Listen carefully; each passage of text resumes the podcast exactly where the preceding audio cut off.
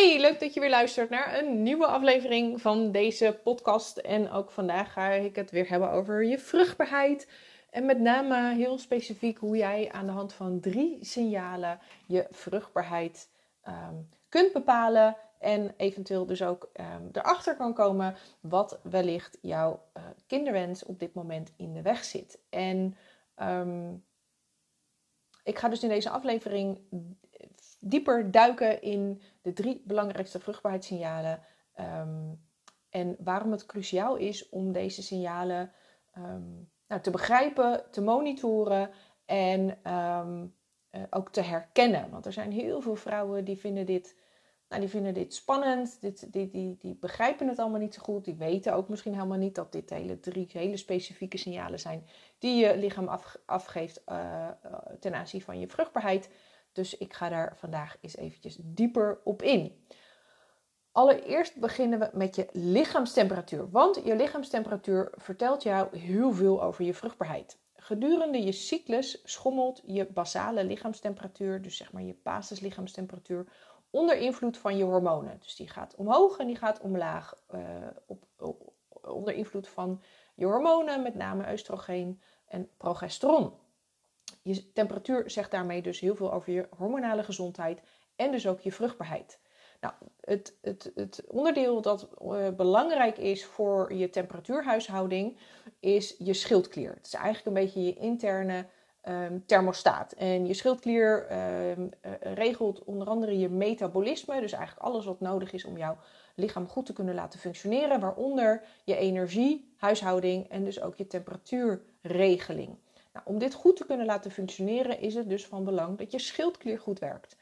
Uh, ik zie heel veel vrouwen met een verminderde schildklierwerking door onder andere stress, maar ook bepaalde voedingsstoffentekorten. Um, he, heb je het heel vaak koud, uh, koude voeten, koude handen, ben je moe, um, ja, merk je dat je gewoon niet zo lekker in je vel zit, dat je spijsvertering misschien niet helemaal lekker loopt, dan kan het zomaar zijn dat jouw schildkleur dus niet helemaal happy is en dat dat dus iets is om aan te werken. Uh, het bijhouden van je temperatuur kan dus ook um, inzicht geven in de werking van je schildklier. Een andere bepalende factor voor je temperatuur is je progesterongehalte. Vlak voor je ijsprong daalt je temperatuur iets om vervolgens na je ijsprong te stijgen. En die temperatuurstijging wordt veroorzaakt door de stijging van progesteron. Die wordt namelijk aangemaakt nadat je ovuleert. En progesteron heeft een, mm, wat ze noemen een metabolisch verhogend effect. En dat wil zeggen dat je temperatuur dus stijgt. Dat je metabolisme eigenlijk iets harder gaat, uh, gaat draaien. En dat zorgt ervoor dat jouw temperatuur stijgt. En dat is nodig omdat de juiste temperatuur noodzakelijk is voor de bevruchting en ook de instandhouding van je zwangerschap. Is je temperatuur te laag, dan kan het ervoor zorgen dat die bevruchting dus niet plaatsvindt of dat je zwangerschap niet in stand kan worden gehouden. Nou, dat zie je vaak gebeuren bij een tekort aan progesteron. Het bijhouden van die subtiele veranderingen in temperatuur, want we hebben, we hebben het echt over zeg maar, uh, uh, uh, hoe heet het? Ehm, fracties van, van temperatuur van graden.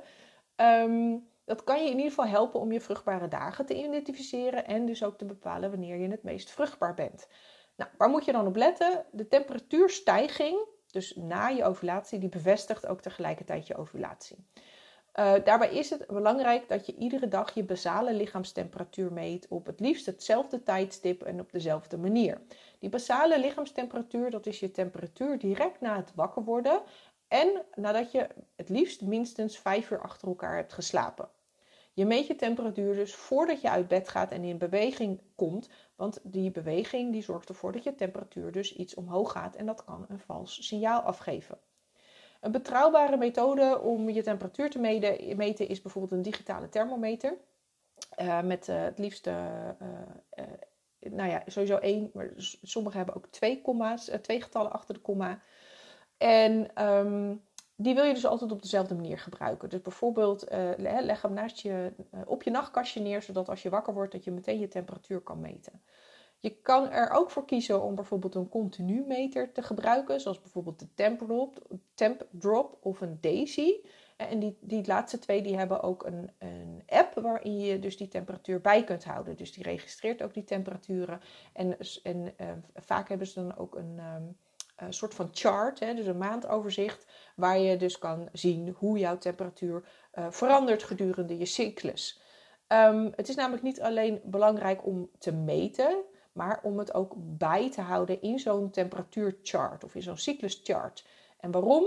Omdat je op, alleen op die manier goed kunt monitoren wanneer je ovulatie plaatsvindt, wat je vruchtbare dagen zijn, hoe lang je luteale fase is, dus de tweede helft van je cyclus, en of je temperatuur dus hoog genoeg is en hoe die fluctueert gedurende je cyclus. Want die fluctuaties die kunnen dus heel. Ehm, eh, die, die kunnen dus aangeven waar het wellicht misgaat. Zo kan het zijn dat je bijvoorbeeld na je ovulatie geen temperatuurstijging hebt. Of misschien is je temperatuur in het begin van je cyclus eigenlijk aan de hoge kant. Of je, merk je dat je luteale fase tekort is. Of je kan zien dat in je luteale fase dat je temperatuur eerst stijgt om vervolgens te dalen en dan weer te stijgen en dan weer te dalen. Dat zegt vaak iets over de kwaliteit van je eicellen. Nou, waar, welke temperatuur moet je dan zeg maar in de gaten houden? Ideaal is het als je temperatuur in de folliculaire fase, dus in de eerste helft van je cyclus, tussen de 36,1 en 36,5 graden zit. Um, tijdens je luteale fase, dus in de tweede helft van je cyclus na je ovulatie, is je temperatuur dus iets hoger tussen de 36,5 en de 37 graden. Een te hoge temperatuur is dus ook niet gunstig. Hè? Dus het is uh, goed om, om dat in de gaten te houden. Zo zal je zien als je bijvoorbeeld, uh, ik noem maar wat, stel dat je een keer griep hebt. En dan zal je zien dat je temperatuur veel hoger is. Dat kan er dus ook voor zorgen dat in ieder geval die cyclus, dat dus die, die, die ovulatie, dat dat niet helemaal op de juiste uh, moment plaatsvindt. En dat dus die temperatuur eigenlijk te hoog is om, uh, stel dat er wel een bevruchting zou zijn, om dan die, die zwangerschap ook in stand te houden. Puur omdat dus de temperatuur te hoog was. Dus te laag is niet goed, maar te hoog is ook niet goed. Het tweede signaal dat je uh, in de gaten wil houden is je cervixslijm, oftewel het baarmoederhalsslijm. Um, dit ondergaat namelijk ook allerlei veranderingen gedurende je cyclus en ook hiervoor zijn je hormonen weer verantwoordelijk. Na je menstruatie zal er geleidelijk aan meer cervixslijm ontstaan. Nou, en in eerste instantie is dat wat waterig. Um, daarna neemt het wat meer de consistentie van, van dunne lotion aan. Het wordt dan iets dikker, soms wat wittig. Um, en vlak voor je ijsprong, in, de, in zeg maar de paar dagen voor je ijsprong, wordt het juist wordt het dikker, helderder, glibberiger en ook elastischer. En eigenlijk kan je het dan het beste vergelijken met um, de consistentie van rauw eiwit. Nou, dit is het klinkt misschien een beetje vies, maar dat is het niet, want het is super vruchtbaar slijm. En dat heb je nodig voor die zwangerschap. Want het helpt namelijk om het sperma te overleven, om de reis naar het eitje makkelijker te maken en sneller te laten verlopen. Maar het bevat ook bepaalde enzymen die nodig zijn om de bevruchting überhaupt te kunnen laten plaatsvinden. Dus dat sperma moet door dat baarmoederslijm uh, heen om uiteindelijk, als het bij je eicel aankomt, om daar ook uh, zeg maar tot bevruchting te komen. En dat, dat dikke slijm, dat, is, dat zorgt er dus voor dat dat sperma, wat normaal gesproken een dag kan overleven, dat het tot wel vijf dagen kan overleven. En dat maakt natuurlijk je kans op een zwangerschap groter op het moment dat je op, de juiste, op het juiste moment dus um, uh, gemeenschap hebt. Na je ovulatie droogt dat cervixslijm, dat baarmoederslijm, droogt weer op onder invloed van progesteron. Het wordt dan dus wat droger, wat plakkeriger ook en heeft soms een wat gele of wittige kleur als het opdroogt. Nou, door het bijhouden van die veranderingen van je cervixslijm kun je dus ook weer je vruchtbare dagen bepalen, het moment van ovulatie bevestigen en ook eventuele problemen identificeren. Want stel dat je dus dat, baar, dat, dat, dat baarmoederslijm, dat dat niet die consistentie van rauw eiwit krijgt. Hè? Dan, dan zegt dat iets over je vruchtbaarheid. Of stel dat dat maar één of twee dagen is. Dat verkort natuurlijk je periode, je vruchtbare periode. Dus dan weet je dat timing nog veel belangrijker is. Nou, en zo kan dat dus allerlei waardevolle informatie geven over um, ja, over het verloop van je cyclus, je hormoonhuishouding en dus ook je vruchtbare dagen. Nou, ook hiervoor gebruik je weer een chart, een, een, een overzicht, om alles objectief bij te kunnen houden. We vergeten dingen, je kan al die dingen niet allemaal in je hoofd bijhouden, dus je moet dat echt op papier bijhouden om uiteindelijk ook, um, zeg maar na je cyclus, uh, je conclusies te kunnen trekken. Nou, en hoe consistenter en langer je deze gegevens bijhoudt, hoe beter je je cyclus leert begrijpen en hoe makkelijker het dus ook is om je vruchtbaarheid te monitoren en eventuele problemen die zichtbaar worden, uh, om die aan te pakken. Nou, het derde is uh, je baarmoederpositie en um, ook zeg maar de, je baarmoedermond. Nou, de positie van je baarmoeder verandert ook gedurende je cyclus. Het overgrote deel van je cyclus bevindt je baarmoeder zich lager in je onderbuik en is die baarmoederhals, de baarmoedermond, is die gesloten. Maar vlak voor je ijsprong wordt je baarmoederhals echter zachter. Hij gaat meer openstaan en hij komt hoger in je onderbuik te liggen. Dit alles om ervoor te zorgen dat die spermacellen zo makkelijk mogelijk, zo snel mogelijk, zo goed mogelijk bij die eicel kunnen komen. En dit is denk ik misschien wel voor de meeste vrouwen het meest lastige onderdeel van het bijhouden van hun vruchtbaarheid. Um, want ja, we leren al heel vroeg dat, dat, dat je vagina en menstrueren en de afscheiding die er ontstaat, dat dat iets vies is en iets vervelends is. En we hebben het er nooit over. En het is echt wel een beetje, het zit echt wel in die taboe sfeer. Um, en dat is super zonde, want je kunt namelijk heel veel waardevolle informatie halen uit deze signalen die je lichaam afgeeft. Het is ook iets heel natuurlijks, iets heel normaals dat het plaatsvindt.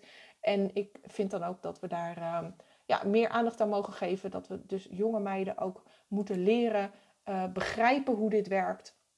En dat het dus niet iets vies is of iets ongemakkelijks, maar dat het je juist heel veel waardevolle informatie geeft over je gezondheid en over je, over je hormonen en dus ook je vruchtbaarheid. Voor het monitoren van je baarmoederpositie en je baarmoedermond is het belangrijk om ook dit dagelijks te controleren en je bevindingen dus op een chart weer neer te zetten. Over het algemeen zal er dus niet zoveel te melden zijn en verandert er niet zo heel veel, maar in die paar dagen voor je ovulatie zul je wel een duidelijke verandering merken. Het vraagt waarschijnlijk wel wat oefening om de verschillende posities, hè, dus of, die, of je baarmoeder nou hoog in je, in je buik ligt of wat lager ligt, en of je baarmoeder nou, mond nou open staat of juist gesloten is, hè, dat vraagt echt wel wat oefening. Uh, dus hoe, hoe eerder je hiermee begint, hoe makkelijker je het uiteindelijk voor jezelf maakt. Nou, en om je baarmoeder te controleren, breng je dus één of twee vingers via je vagina naar binnen en voelt hoe diep je baarmoeder ligt. Um, en wat de stand van je baarmoedermond is. Nou, het kan zijn hè, dat je dus zeg maar de. Uh, wat je in heel veel methodes ziet, is dat ze kijken naar de kootjes van je vinger. Dus hoe ver kan je eigenlijk je vinger inbrengen? Hè, is dat tot het eerste of het tweede of het derde kootje? En op basis daarvan kun je dus bepalen of die baarmoeder um, hoger ligt. Hè? Dus als die hoger ligt, zul je dieper met je vinger uh, erin kunnen. En als die lager ligt, kan je dus minder diep met je vinger erin. En dan weet je dus dat, die, dat de stand lager is. Als je kijkt naar de baarmoedermond, dat voelt um, um, over het algemeen dus wat, wat, wat harder. Het is rond en in het, in het, in het midden zit een beetje gekarteld, um, ja, een gekarteld plekje. En dat gekartelde plekje, dat is echt je baarmoedermond. En die zal dus wat verder open gaan uh, vlak voor je uh, ovulatie. En um, die verandering wil je dus registreren. Nou, uh, dat vraagt dus wat oefening. Dus over het algemeen zeg ik altijd, weet je, hou het in ieder geval drie cycli vol om dit dagelijks, die drie signalen te monitoren en te registreren. Om ook jezelf de kans te geven om dit gewoon te leren. Het is, het is wat dat betreft gewoon een vaardigheid die je kan leren. En um, ja, die, die dus ook jouw leren wat er gedurende je cyclus verandert. Nou, het begrijpen van die verandering en dus, dus voor jezelf uh, uh, ontdekken wat er, wat er gebeurt tijdens je cyclus kan je helpen om je vruchtbare periode dus te herkennen en Um, nou, dat maakt dat je bijvoorbeeld uh, je gemeenschap, hè, de tijd, de timing van seks veel beter kunt plannen en dus daarmee het, uh, de kans op een zwangerschap aanzienlijk vergroot. Maar het kan je ook hele waardevolle informatie geven over bijvoorbeeld dingen die misschien niet helemaal optimaal functioneren. En dan kan je daar dus heel gericht mee aan de gang. Nou, waarom is het nou dus belangrijk om dit bij te houden? Um, het bijhouden van je cyclus, dus sowieso hè, wanneer het gebeurt, hoe lang je cyclus is, hoe lang de eerste helft van je cyclus is, hoe lang de tweede helft van je cyclus is, wanneer je ovulatie plaatsvindt. Dat zijn elementen die we over het algemeen vaak wel kennen of misschien wel doen. Maar um, je temperatuur, je cervixlijm en je baarmoederpositie, die vergroten dus je, je, je lichaamsbewustzijn, maar ook je kennis over je cyclus veel meer. Hè? Dus die geven nog veel meer informatie. Ehm, ze dragen dus niet alleen bij aan je kans op een zwangerschap, maar zorgen er ook voor dat je je lichaam beter begrijpt en dat je dus sneller signaleert als er iets aan de hand is. Afwijkingen kunnen je helpen om vervolgens de juiste stappen te nemen om bijvoorbeeld uh, de balans weer te herstellen of, of andere um, problemen op te lossen. Er is ook niks vies of vervelend aan het kennen van je eigen lichaam en de signalen die je lichaam je geeft. Het helpt je juist, het is heel waardevol en uh, helpt je dus juist om je kinderwens sneller in vervulling te laten gaan. Nou, wil je hier aan mee aan de slag? Denk je, ja, weet je, ik wil toch echt wel wat meer gericht aan de gang. Ik merk dat heel veel vrouwen bijvoorbeeld alleen een app gebruiken. Hè, en, en, een app is wat dat betreft gewoon echt niet zo betrouwbaar. Ehm, maar als je zegt, nou, ik wil hier echt mee aan de gang, ik wil dit inzichtelijk krijgen, ik wil weten hoe, hoe mijn cyclus werkt, hoe mijn lichaam werkt en hoe het dus met mijn vruchtbaarheid gesteld is, dan heb ik een compleet werkboek voor je waarin ik hier uitgebreid uitleg over geef. Um, waar ik je dus uitleg waar je op moet letten um, per onderdeel. Hè, dus je temperatuur, je cervixlijm en je baarmoederpositie. Uh, hoe je dit zelf het beste kunt bijhouden. En er zitten dus ook twaalf van die cycluscharts bij om al die gegevens in bij te houden. Nou, het is gewoon een fysiek werkboek, hè, dus je krijgt hem gewoon via de post toegestuurd. En um, um, je kan het aanschaffen via de link in de beschrijving van deze aflevering. Of je mag me natuurlijk gewoon ook een berichtje via Instagram sturen en dan stuur ik je alle informatie toe. Sowieso leuk om op Insta met elkaar te connecten, dus zoek me vooral ook even op. En ben je nou op zoek naar persoonlijke begeleiding? Wil je ontdekken wat jouw vruchtbaarheid op dit moment blokkeert? Dus wil je verder gaan dan alleen maar het monitoren van je cyclus? Maar wil je ook echt de diepte in uh, met voeding en supplementen en leefstijl aan de gang om jou, uh, ja, om, om je gezondheid, je hormoongezondheid en je vruchtbaarheid dus echt uh, te optimaliseren? Dan is het natuurlijk zwanger traject voor jou. Aanmelden hiervoor kan ook via de link in de beschrijving, maar ik kan me ook voorstellen dat je hier nog wat meer informatie over wilt hebben. Stuur me dan ook even een berichtje via je Insta en dan leg ik het je allemaal uit. Het is natuurlijk allemaal vrijblijvend. Uiteindelijk bepaal je zelf of je wel of niet gaat starten, maar dan weet je in ieder geval wat het inhoudt. Vanaf januari gaat de prijs omhoog. Dat is misschien wel interessant om even te weten. Dus mocht je hier al wel eventjes over twijfelen, ik deel hier natuurlijk wel vaker informatie over dan is nu misschien wel het moment om in te stappen en dus ook in 2024 uh, eh, ja, misschien toch wel uh, zwanger te worden en in ieder geval je kansen aanzienlijk te hebben vergroot. Nou, um, dit was hem voor vandaag. Ik hoop dat je dit weer waardevol vond. Als je nou denkt, hey, dit is ook interessant voor een vriendin of een collega of iemand anders die je kent die, die, die bezig is met zwanger worden of die hier problemen in uh, ondervindt. Deel dan ook vooral de aflevering. Wellicht hebben zij er ook iets aan. En um, um, ja, ik zou willen zeggen dankjewel weer voor het luisteren. Ik hoop dat je volgende aflevering er ook weer bij bent. En uh, ik zou zeggen tot dan.